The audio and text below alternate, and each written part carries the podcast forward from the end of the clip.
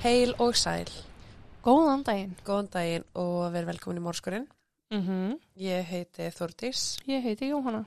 og rétt árunni byrja þá ætla ég bara að minna á skröpderíísland.is Mm -hmm. 15% afsláttur með kóðanum Mórskurinn Mm -hmm. og bara mæli með. Ég er sjálf búin að vera að nota þetta heima og mér finnst þetta geggjað. Já, vaskur, styrtugler. Já, líka Mæli bara, með. sko ég nota þetta á borðið. Eða það. Já, Ég er með svona náttúruborð, það má ekki fara neitt annað. Já ég áður nota en að mjúka, sérst aftan að hann að skröp það- eða Já, eitthvað. já, já. Ég nota það, það er bara eins og hann að Magic Eraser Já. eða eitthvað. Það er enda sjúkla þelt, af því að það er svona öðruvísi áferð, það er einhvern veginn, það bara strykst alltaf, maður þarf ekki að hjakkast á neina. Já, minnst ekki að, já, ég þarf líka að fara að kaupa mér hérna svona peistið, Já, kremið, mm -hmm. hreinsikremi. hreinsikremið. Kannski ég noti bara kóðan til að kaupa mér eitt slíkt. Mm -hmm. Mm Herðu, já, ég ætla þá bara að byrja þetta. Írina Jarmolenko fættist þann annan mæ árið 1988 í Úkrænum af þeim Sör Sergei og Jelena Jarmolenko. Hún var oftast köllu Íra og ég ætla að gera það sama. Ok, ég fein. Hún átti einn eldri bróður að nafni Pavel en það voru fimm ár á milli þeirra. Flutningar þeirra til bandaríkina átti sér stað þegar hún var aðeins 8 ára gömul og komu þau til Norður Karolínu árið 96. Upphaflega settust þau að í Greensboro og höfðu þau flutt þangað sem flóttamenn til að forðast trúarofsóknir í heimalandinu þeirra, Mm. sérst Úkrænu. Já. Fóreldra hennar byrjuði að vinna sem vísindamenn og endan fluttu þau og settust að í Carborough með sem sagt Chapel Hill postfang. Ok, En þetta eru bara tvö lítil bæjarfélög sem eru hlið við hlið og flesti segja að það sé bara sami bærin að einhverju leiti. mm. Þegar þau komið þangað þá tala hún rústnesku og eftir að hafa búið þarna í nokkra mánu þá byrja hún að tala ensku með sérstökum hreim. já. Hún var hæfilega rík ung kona og mjög greimt fyrir hennar aldur. Hún hafði mikinn áhuga á að lesa og fannst mjög gaman að vera út í náttúrunni.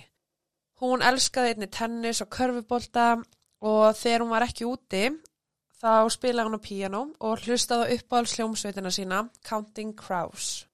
Hún var partur af ljóðahóp í skólanum sem hann kallaði sig Chapel Hill Slam Team og var einni heitlið og forvitin um bladamennsku og ljósmyndun. Árið 2006 útskrifaðist hún úr mentaskóla og hjælt leysina í háskólan í Norður Karolínu í Charlotte. Mm Vorið 2007 starfaði hún sem þjóttn á Paul Rizzo ráðstefnu miðstöðinni og um sumari ferðaðist hún með fyrirtækinu til Alaska þar sem hún að loku vann sem þjónustu stúlka á veitingastanum Village Lodge. Af hverju ég segi frá þessu skiptir ekki máli. Mm. Við dreymir um að til Alaska. Er ekki kaldar? Jú, en þetta er svo Ísland og styrum. Ok. Við dreymir ekki um að fara ánga. Haustið 2007 var hún byrjað að hugsa um framtíð sína og hvað hún vildi verða en henni hafði alltaf langað til þess að hjálpa öðrum og byrjaði því að skoða nám í, í heilbriði skeiranum. Hún vildi ekki endilega gera það í háskólanum í Charlotte og eftir að hafa lokið öðru ári þá ákvað hún að flytja háskólasvæðið í Chapel Hill. Ok. Hún hafi verið í sambandi með samnefnda sínum sem að endist í þrjú ár en það var nokkur gefið í skinn að því sambandi hafi lokið vegna þess að framhjáld var í spilinu og það voru líka miklar umræður á flakki með kynniðina hennar Íru. Ok. Íra hafði mikinn áhuga á félagslegum réttindum og barðist fyrir jöfnum og sangjörnum réttindum á öllu sviði óháð kyni fólks. Mm. Gott hjá henni. Mjög gott hjá henni. Ok, nú kemur bara ákveðin tímalína. Þann annan mæi árið 2008 kom vinahópurinn hennar, hennar óvart, þar sem að hún var hann 20 ára gömul.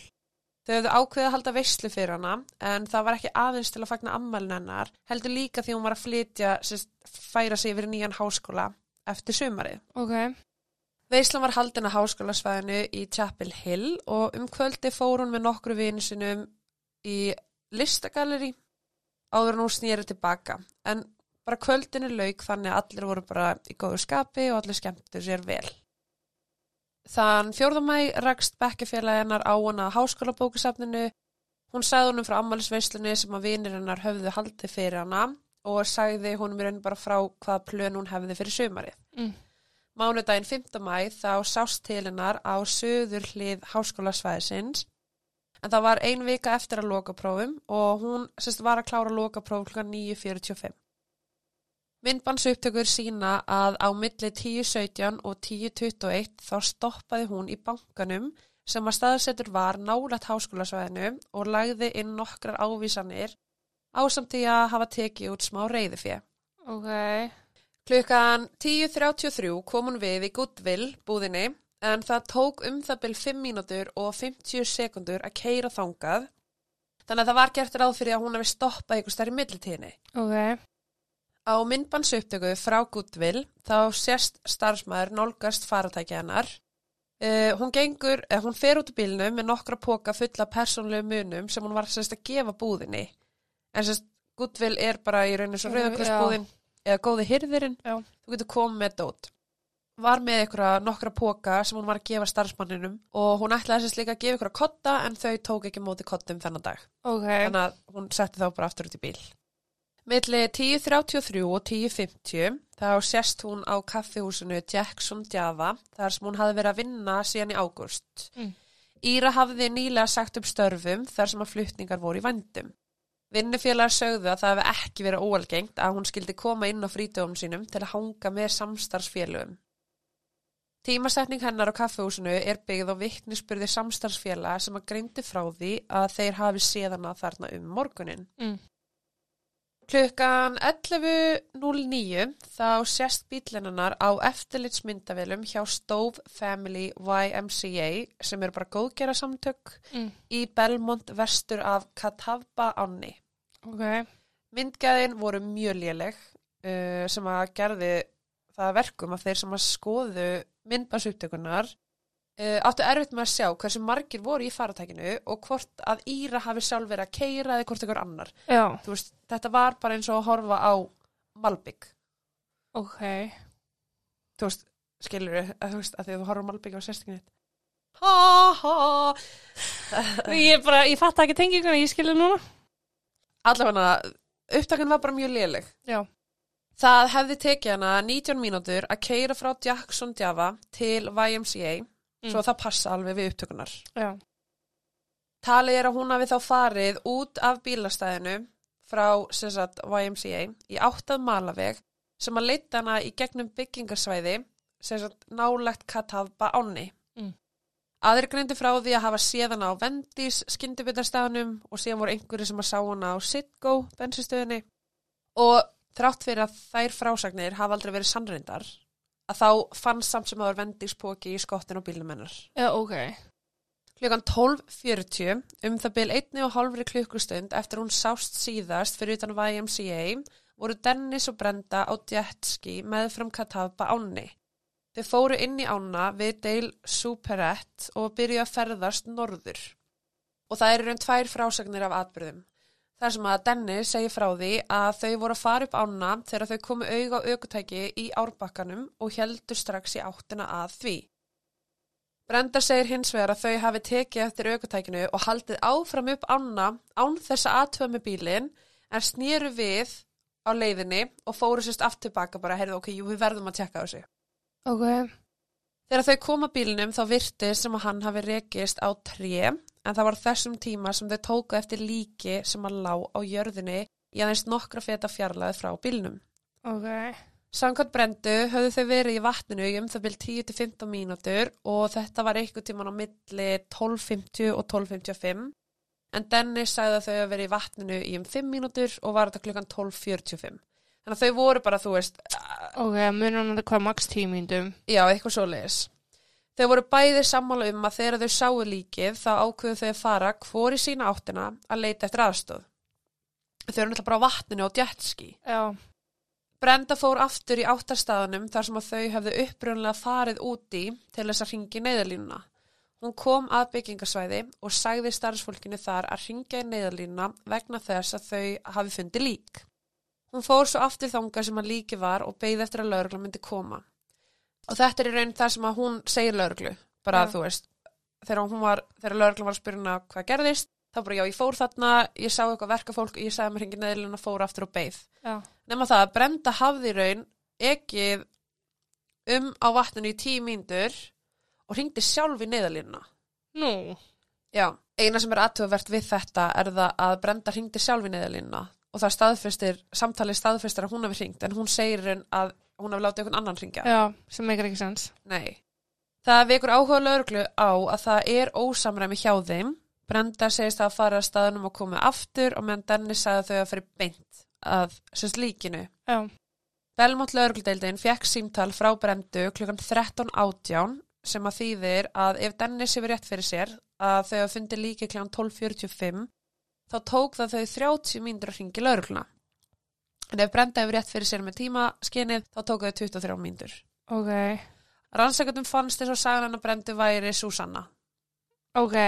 Ekki Súsanna, heldur Sanna Sú- sagan. Sann, já, Lögregludeildin í Belmont hafði síðan samband við Mount Holly deildina en aukutækið og líkið var á þeirra lögsögu en þar sem að þau hefðu upprunlega fengið símtalið, Belmont, lögreglan, þá fóru þeir einnig á vettfang og það var bara ákveðin samvinna á milli þeirra. já, Þeir komu staðin klukkan tvö og það fyrsta sem þeir tóku eftir var blái Saturn Sútan, er að setan, setan. aukutækið hennar Íru og að það hafði lent á trjástöpi skamt frá árbakkanum. Báðar hurðirnar aukumannsmegin voru opnar. Aukutækið virðist ekki hafa verið á miklu hraða og loftpúðarnir höfðu ekki sprungið við áraugsturinn. Ok, Það vir, virtist sem að drullu hafi verið spólað frá aukutækinu sem að létt lögreglunu telja sér trú um að einhver hafi sett í bakkir eftir áraugsturinn og reynt sem sagt að fara. En það bara spólað drullu. bara fastur. Já, og þeir töldu upprænlega að aukutækinu hafi verið keirt með fram ár bakkanum. Já, Það með. er að keira, þú veist, nánalt vatninu og svo bara kú, á tré. Mm Það voru einnig upplýsingar setta fram sem benda til þess að aukutækið hafi verið í gangi sérst, eftir áreiksturinn og að það hafi verið í gýr sem að gaf til kynna að bílinn hafi ekki stöðva strax við slísið Mm. og þess vegna hafi það lítið út eins og einhver hafi verið að reyna að bakka bílnum. Já, Rannsakandur myndu síðar fullir það að aukutækið var í hlutleysum gýr eða neutral og liklarnir voru ekki svistnum. Uh, það er verðt að taka fram, ok, ég er ekki bílasérfræðingur og ég veit ekkert um bíla, en sko, það er tekið fram að bílinannar, Saturn, tegundin, sem ég veit ekki eins og hvað er, já, var sem sagt General Motors bíl sem að keirði eftir BTSI kerfi sem að þýðir að til þess að taka líkilinn úr svistnum þá þarf bílinn að vera lagður í park.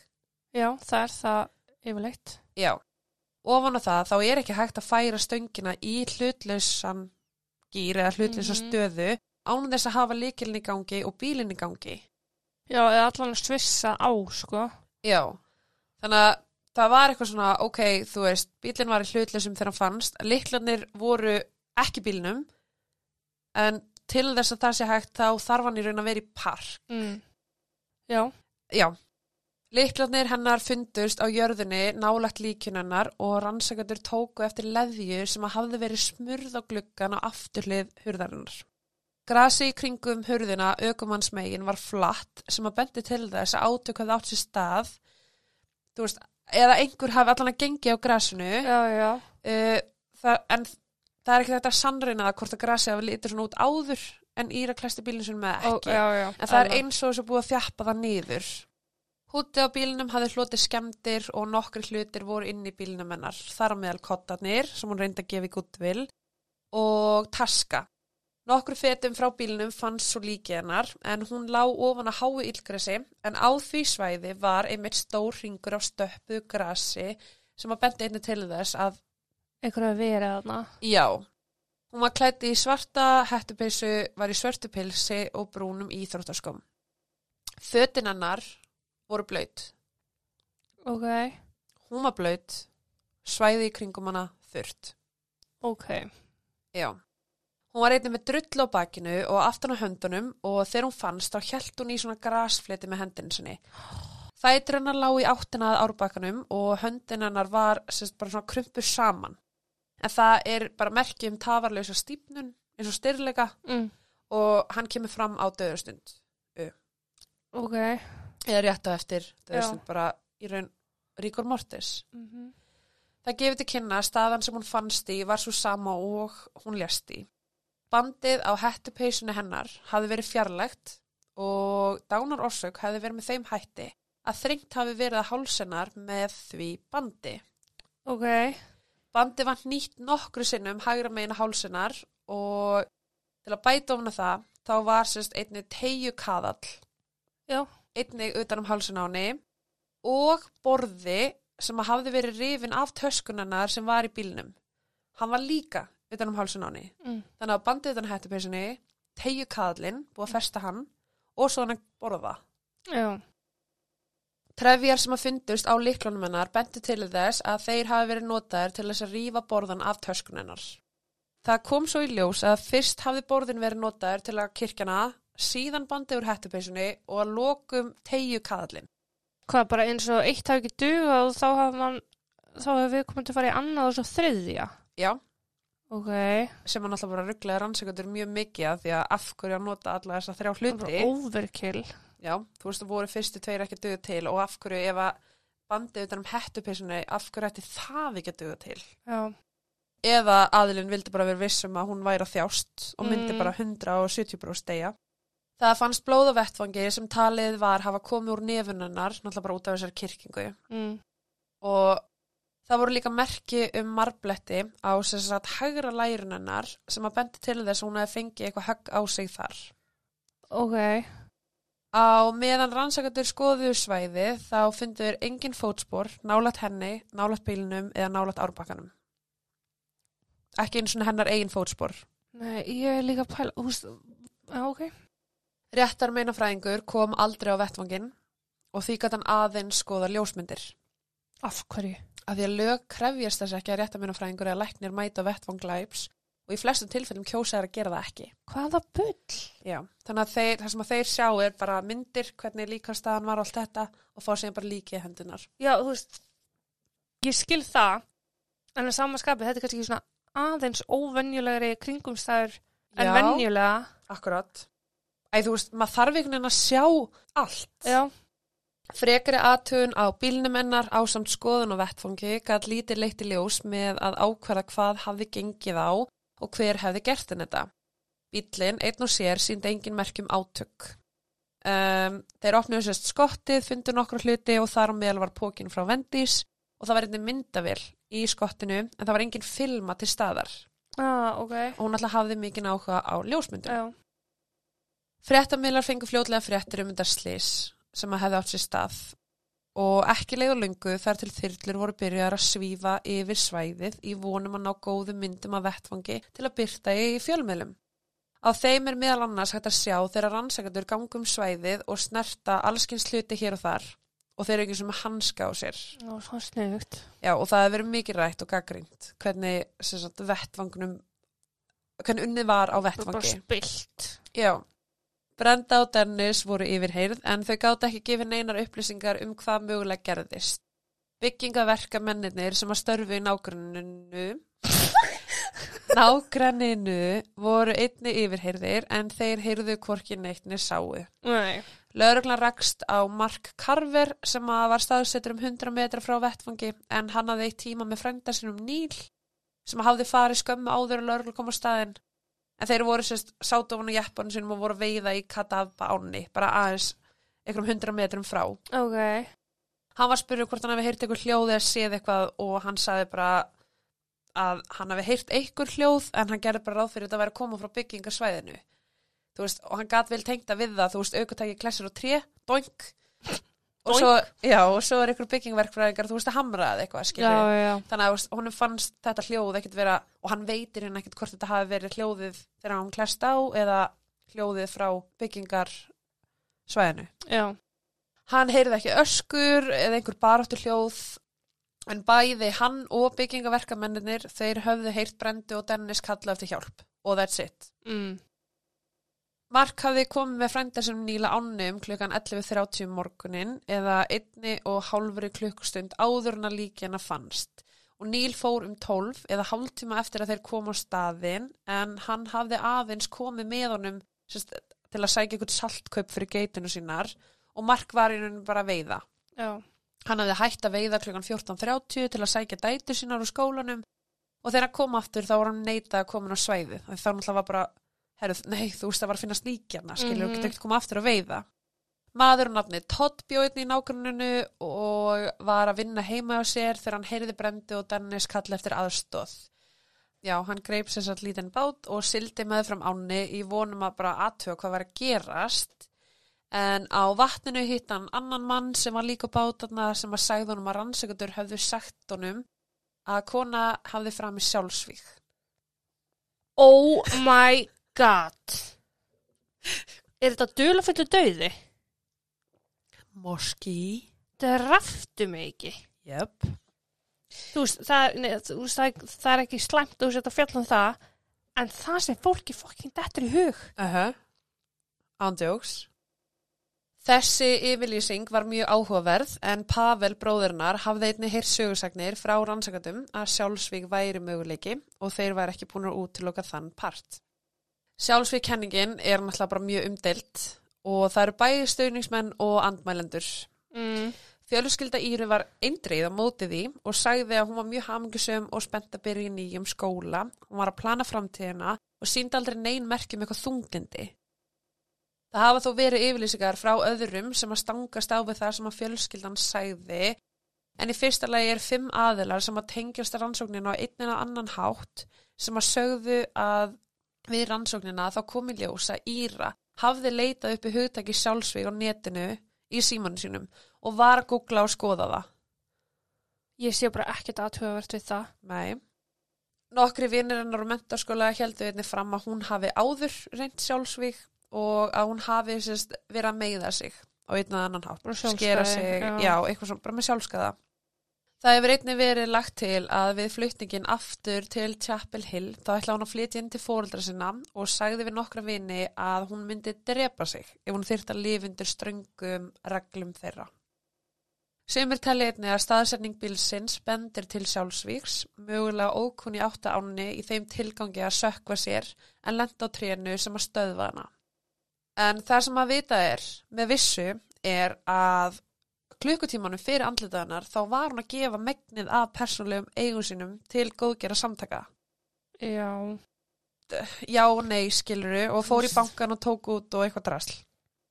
Og það eru margir sem að telja það sér vísbending um að hún hafi ekki verið í góður hugur ástandi.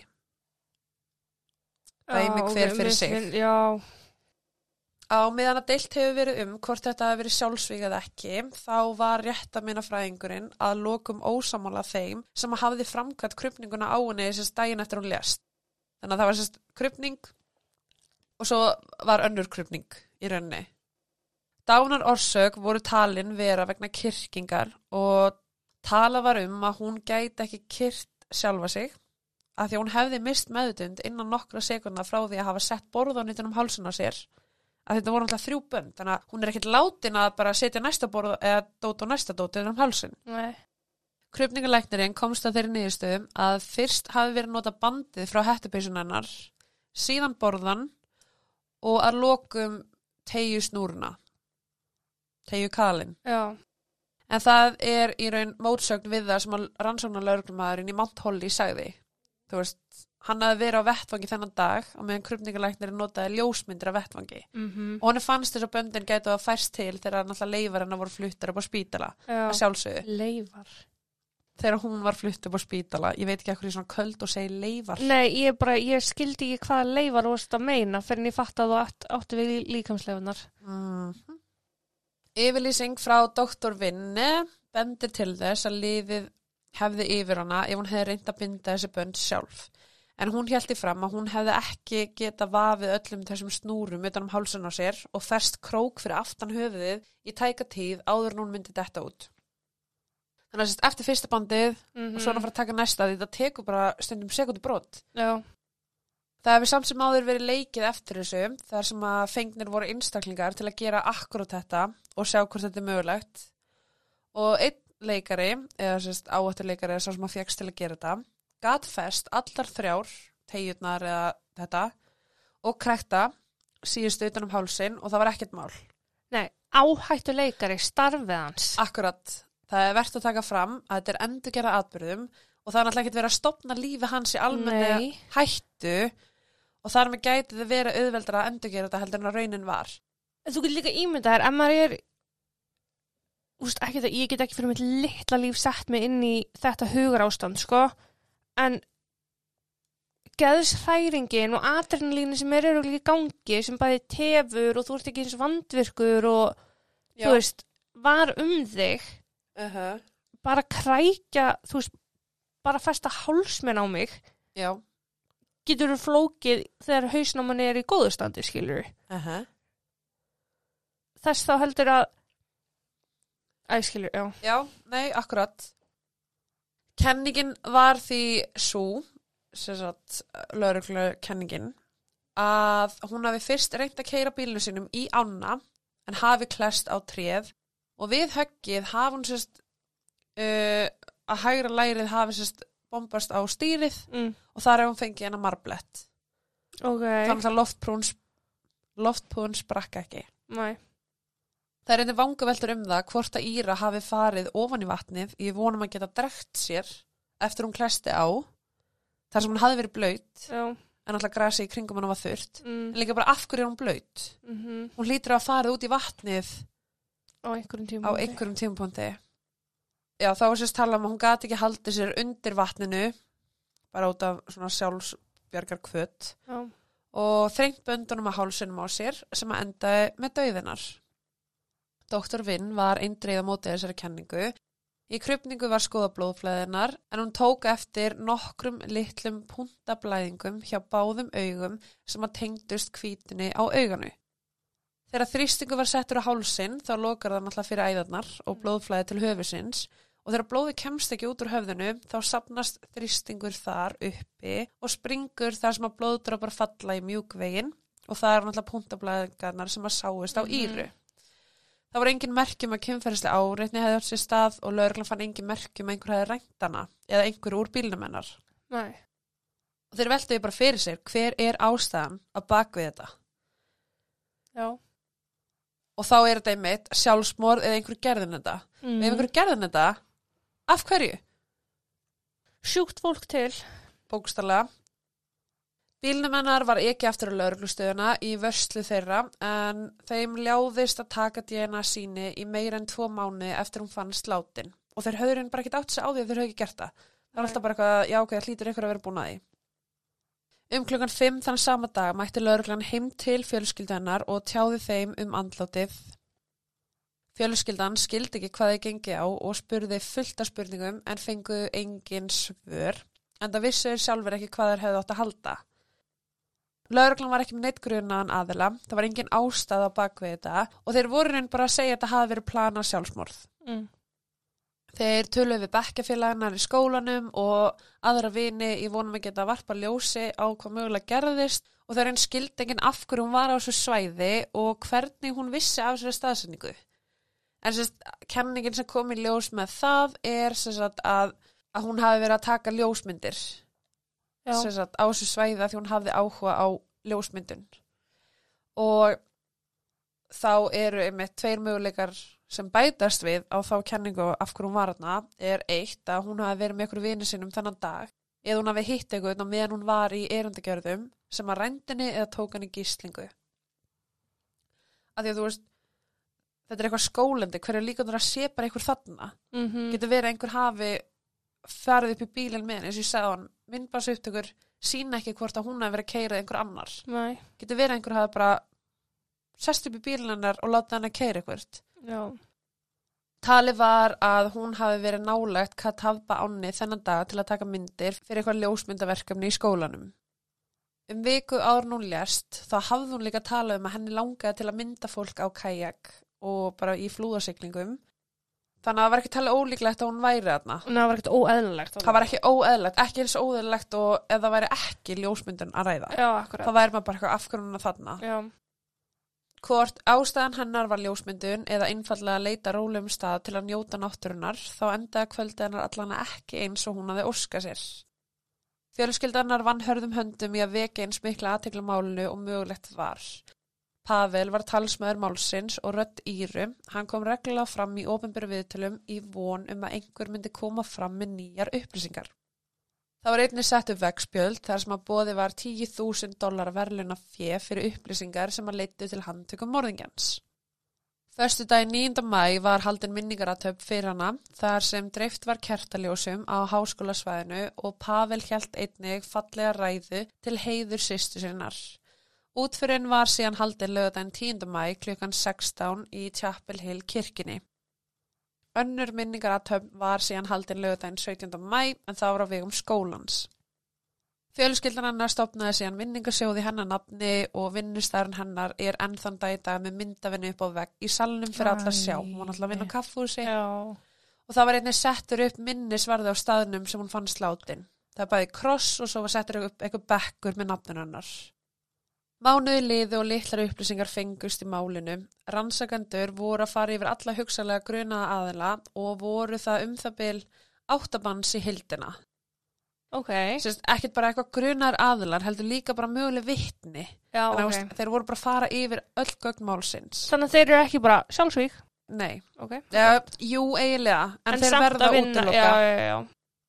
Þessir áttamanns voru allir yfirhyrðir og útilokaðir.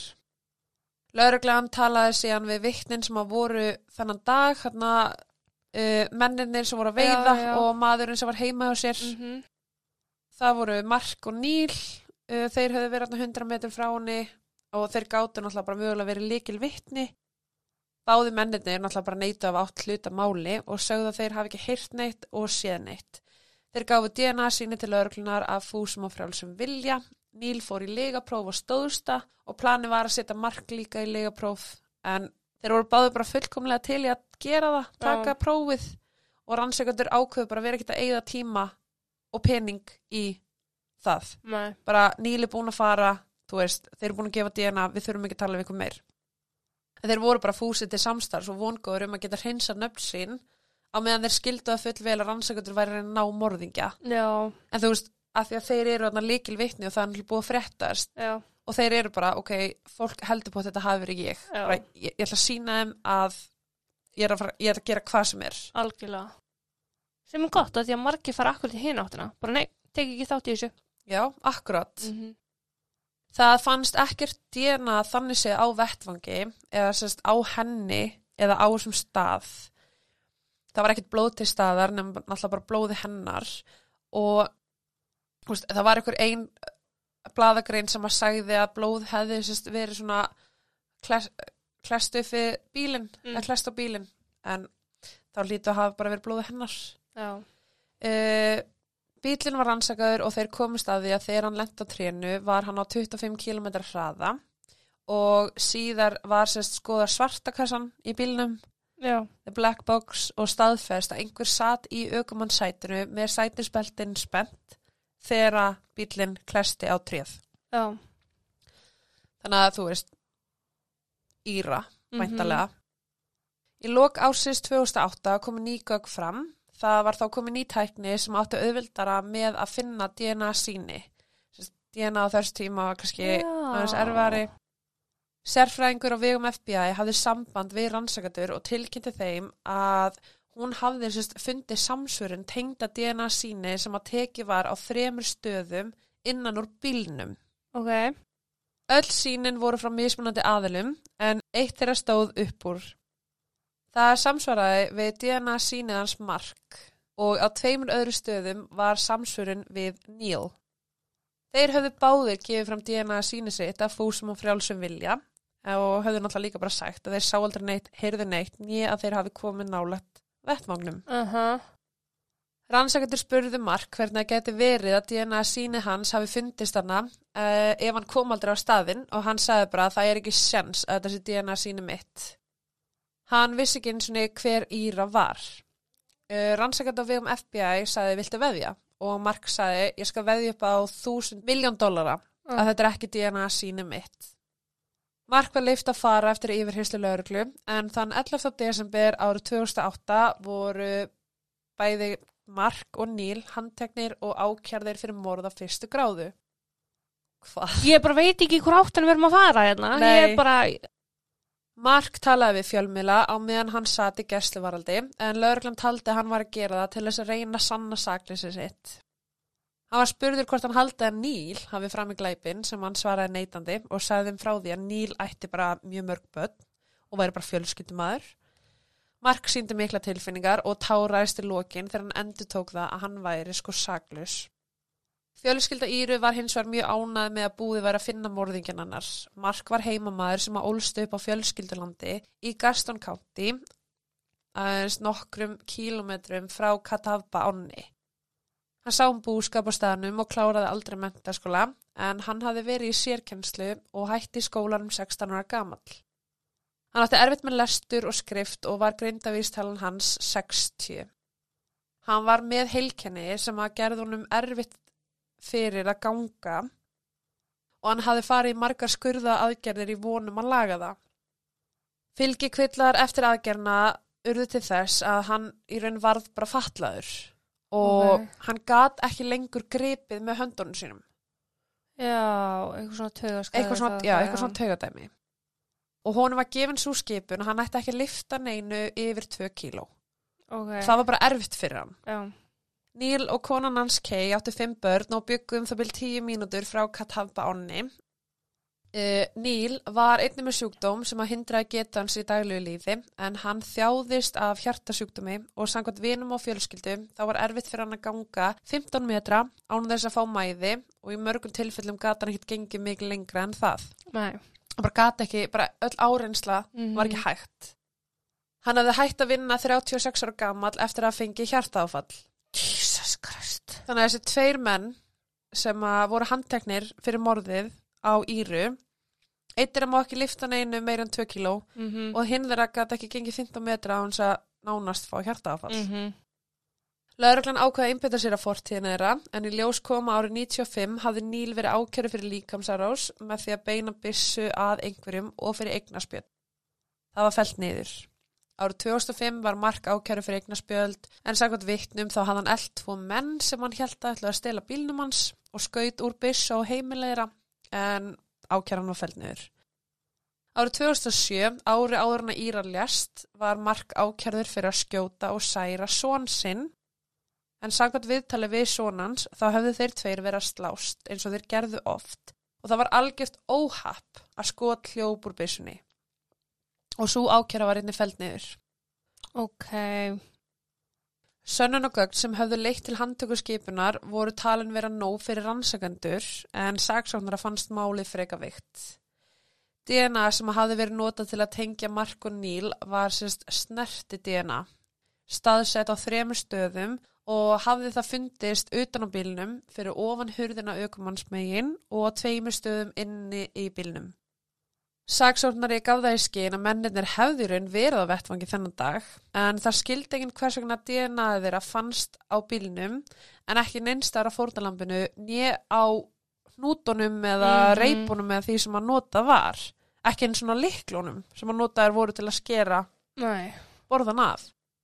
Einn kenning var svo að DNAði hans Mark hafi fundist á bílnum vegna þess að hann var viðtórsmaður og sérst, eftir að hún var drepin að þá hafi þeir reynt að íta bílnum út í ána eða þá þeir hafi sjálfur einhvern veginn keirt bílinn að trénu. Mm.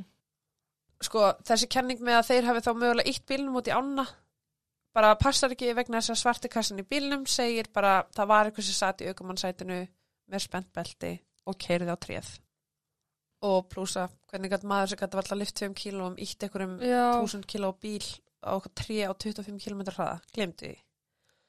Þetta voru allt álitamál sem að lauruglan var að rannsaka og voru Mark og Neil sleft gegn tryggingu. Þeir voru í stóði fangelsi og meðan Mark var rólur og yfirvegar vegna réttaraldana þá var Neil mjög stressaður yfir ástandinu. Þú veist, Mark var bara eitthvað, ég er saklus, þú veist, þannig að af hverju er ég eitthvað að stressa mig á þessu? Mm sannleikur minn kom í ljós. Amy, dóttir hans Níl, sagði að faðirinnar væri saklaus og lögreglan væri að reyna að þrýsta á hann til að játa eitthvað sem hann gerði ekki. Á meðan að þeir sátt í stofufangilsi, þá var lögreglan að bera saman DNA sínið úr bílnum við tíu aðra einstaklinga bara til að nota útilokunar aðferna og Mm. bara til að styrkja mál sitt. En þar á meðal var uh, Christopher Cooper, fangi sem hafði skrifað bréf til fjölmila og játað á sig verknaðin en það var engin samsvörun við hans DNA. Í næstu því tvö ár var engin hreyfing í málinu, Níl og Mark voru áfram í stóðufangilsi á meðan saksóknar í gaturinn ekkert gert, en það voru ekkert ný sönnugögn að koma fram. Í óttúber árið 2010, 22 mánuðum eftir að þeir voru handteknir, ákvað saksóknarinn að ganga í gegn með réttarhöldin. Réttarhöldin hans Níl átt að fara fram þann 11. óttúber árið 2010 og á meðan hann var í miklu uppnámi vegna alls sem hafði gengið á, þá sagði konan hans frá því að hann væri mjög spenntur að fá loksis jafnrétti sem hann ætti skilið og að almenningur myndi sjá að hann væri saklaus. Mm. Þannig að saksóknir tók sér 22 mánu í ákvæðu hvort hann ætlaði að fara áfram með málið eða ekki. Uh -huh. Er það ekki svo langur tími? Mjög. Og meðan eru þeir bara heima í stofufangilsi. Já, það er að það allan að það í staðan fyrir að vera gæsluvaraldi í... Já, algjörlega sko, en á sama tíma, þú veist, þetta komið í fjölmiðla, Mm. skilur þú veist, Nöfn ég held að þetta sé ekkert eðlilegt líf, sko. Nei, ynga einn sko. En sko, Neil og Kay höfðu kynst í mentaskóla og hún var bara mjög spennt að fara með honum fyrir rétt og steyðja hann í gegnum þetta allt saman. Já, Og bara, bara til í þetta, bara til í hann slag. bara sannleikurum mun komið ljós. Já, Sunnudaginn 10. óttúber, degi fyrir réttarhöldin, þá satt Níl við eldúsborðið og var að lesa bladagrein um morðið og væntaleg réttarhöld. Hann var 55 ár gamall, fekk skyndilega hjartaáfall og lést. Nei, án þess að sé búið hreinsa nafnið hans. Uh degi fyrir réttarhöld. Fjölskyld hans var sannferð um að það hefði verið vegna álags síðustu ára en heilsufars vandamál urðu þess valdadi að hann dó. Fjölskyldan hefur líst reyðir sinna á dauðans og telur að það sé bara rannsóknin að kenna. Þú veist, þeir eru að taka Hvað- álag? Ég veist, hvað varðum réttlátt málsmeðferð? Nákvæmlega. Mér finnst líka undarlega að halda um í stofufangilsi þegar saksóknir er að tefja. Já. Saksóknar er bara eitthvað, á ég mál og ég ekki taka Já, þetta mál. nákvæmlega. Hvernig er það í lagi að bara með blöðun er í bunga hjá honum að þá er lífið þeirra á hold. Akkurat. Sérstaklega þegar svona mikil vafi, Já. skilur við. Saksóknarinn gati ekki rétta yfir Níl og innbytti sér alfarið að Mark. Lögumar hans kom fram og sagði að það væri ekki til staðar neitt efi um að Mark væri sigur. Það virtið sem saksóknarinn var heldur ekki viss hvort hann væri það eða ekki en hann bauð honum meðal annars samningum að játa á sig morð af annari gráðu sem var 8-14 ári fangelsi og þar með gæti hann afplána fjórum til 8 árum eða fari í gegn með réttarhöld og sitja inni fyrir lífstíð. Það, mér finnst þetta sko, Þetta er svo freistand að taka 4-8 ég veit ár að bara því maður er hrættu við heitt, sko. Það, ekki, það segir ekki til um sektin eða neitt hannig, sko. Nei. Mér finnst þetta ætti ekki að vera leifilegt. Ekki með heldur, mér finnst þetta að vera, það jaðar við að vera bara sko siðlaust Uh -huh. að ég sé bara tvent í þessu annarkvæmt sem saklaus einstaklingur í fangilsi að því hann er hrættu við réttarhöldin Já. eða kviðdóm eða þá að segur maður fara vægari refsingu Já, að því að saksóknar er hrættu við niðurstöðuna Akkurat. Ég finnst það mjög spes það er ekki rétt sko Mark svaraði því með því að segja að hann ætlaði sko ekki að játa sagt fyrir eitthvað sem hann gerði ekki. Ákæruvaldi steg fram og sagði að Mark hafi myrt Íru með hjálp Níl. Talað var um að ástæðan fyrir morðinu var svo að þeir hafi rekist á Íru verið að taka myndir. Hún hafi þá mögulega tekið myndir af þeim, verið að gera eitthvað sem að þeir vildi ekki almenningu myndi sjá. Til dæmis, þú veist, að vera að veiða fisk sem þeir hafði ekki kvóta fyrir eða dari, dari, da. Það er sérst, ástæða ákjöruvalsins. hausnum er fór beint í eitthvað kynferðislegt sko Já, mitt líka, þeirra á Já. milli, ég er svona, þeirra hafi þessin að drepa hann og reynda hilma yfir því og það sé sérst ástæðan fyrir því að filmuna vantaði í myndavélnarnar. já Það er líka eitt og sé ráðgáta, ef hún var Mhm. að taka ljósmyndir, af hverju er filman ekki til staðar? Einhver hefur tekið filmuna. nákvæmlega, sem sanna líka að þetta var ekki sjálfsvík Já, ekki nefnum hafi, þú veist, hlaupið með filmun út í vatnið, skilur mm. veit ekki.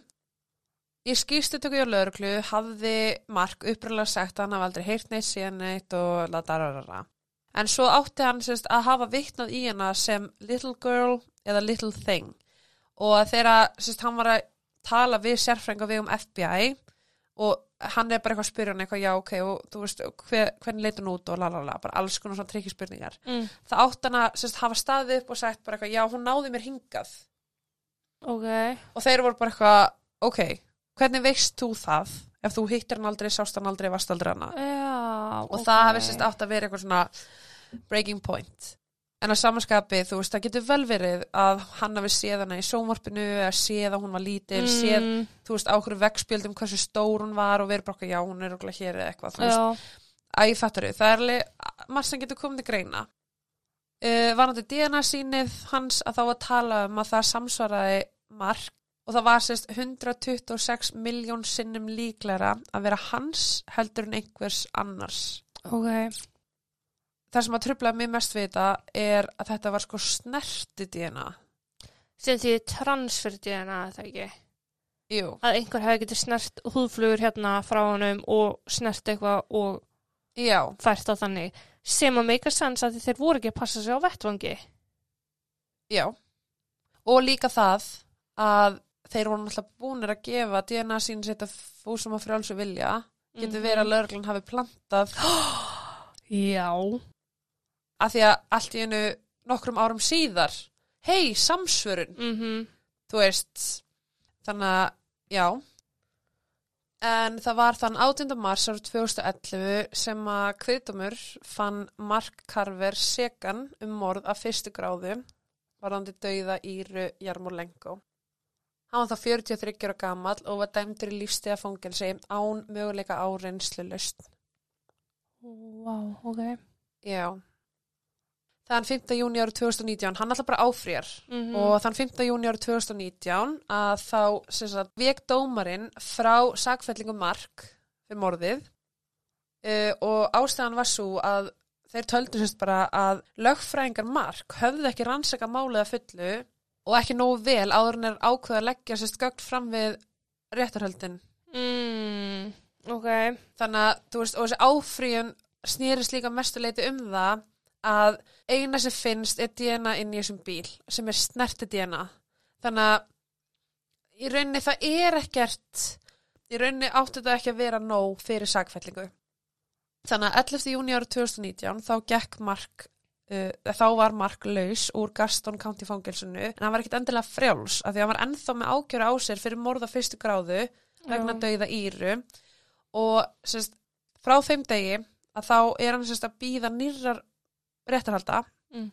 eða þá að ákjæran verður vísi frá Já. og hann er sérst núna í rafrænu stóðafangelsi og þarf að vera með öklaband og hann er bara að mestu leiti heima á sér og horfa á sjónvarpið og bara býða eftir nýjum réttarhaldum Oh my god, og kóið og allt og allt.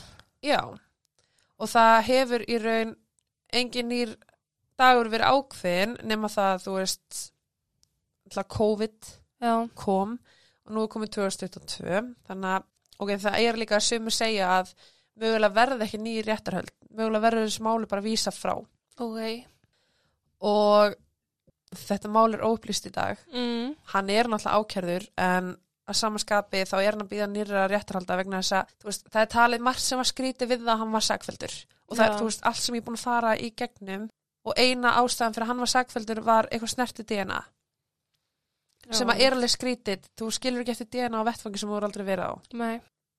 og svo náttúrulega kemur líka kenningin með það var lauruglan að planta þessu vegna þess að það var búið að vera mikill þrýstingur á þá að leysa málið Einmitt. það var búið að vera gaggrinni það voru til vídeo af þeim án hanska þú veist, að vinna vettfangnum og það voru allir búin að vera bara, lauruglan er ekki treystandi þú veist, hvað er það að gera? Já. Getur verið að þeir hafi bara tekið þetta veist, og gert snertarfleitið inn í bílnum og bara, don't doubt me, skilur ég Kemur ekki það úvart, þú veist, það hefur margt klikkar að gerast en það, sko. uh -huh. Ég hef Og- svo mikið að skoðunum hérna að ég er að springa. Já. Eh, Það var til dæmis í réttarhöldunum hans að það var að tala um að það hafi fundist sérst, undir nöglin hennar uh, að þá var sérst, fundi eitthvað ótilgreint í hana Mm. En samt ekki nóg mikið til að finna eitthvað prófíl en það var sérst mátti ekki nota það við réttarhöldin á smark. Með þau voru óáreiðanlega. Þeir voru allt og óáreðarlega, já. Og það fannst einnig sagt, uh, snerti DNA á sagt, beltinu. Mm. Það var heldur ekki þetta að tengja við hann en það var heldur ekki þetta að segja að þetta er ekki hann. Já. Það er svolítið hættulegt oft, sko. Uh -huh. Og þú veist, þetta mál fjalla bara að mestu leiti um þetta DNA síni, hversu áræðanlegt það er.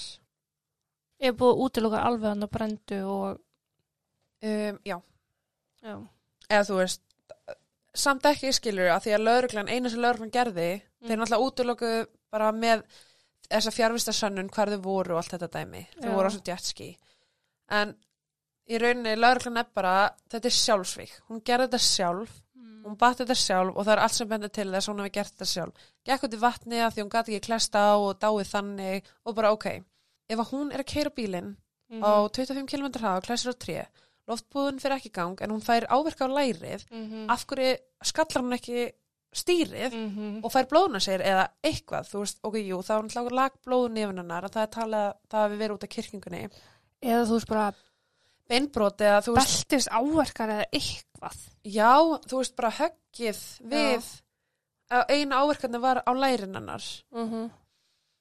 þannig að þú veist, getur verið að hún hafi, einmitt, þá bara verið það ringlið að hún gekk út í vatnið eða eitthvað skilur eða, þú veist, ég veit það ekki en það er bara líka mjög skrítið ef að þeir hafi drepið hana mm.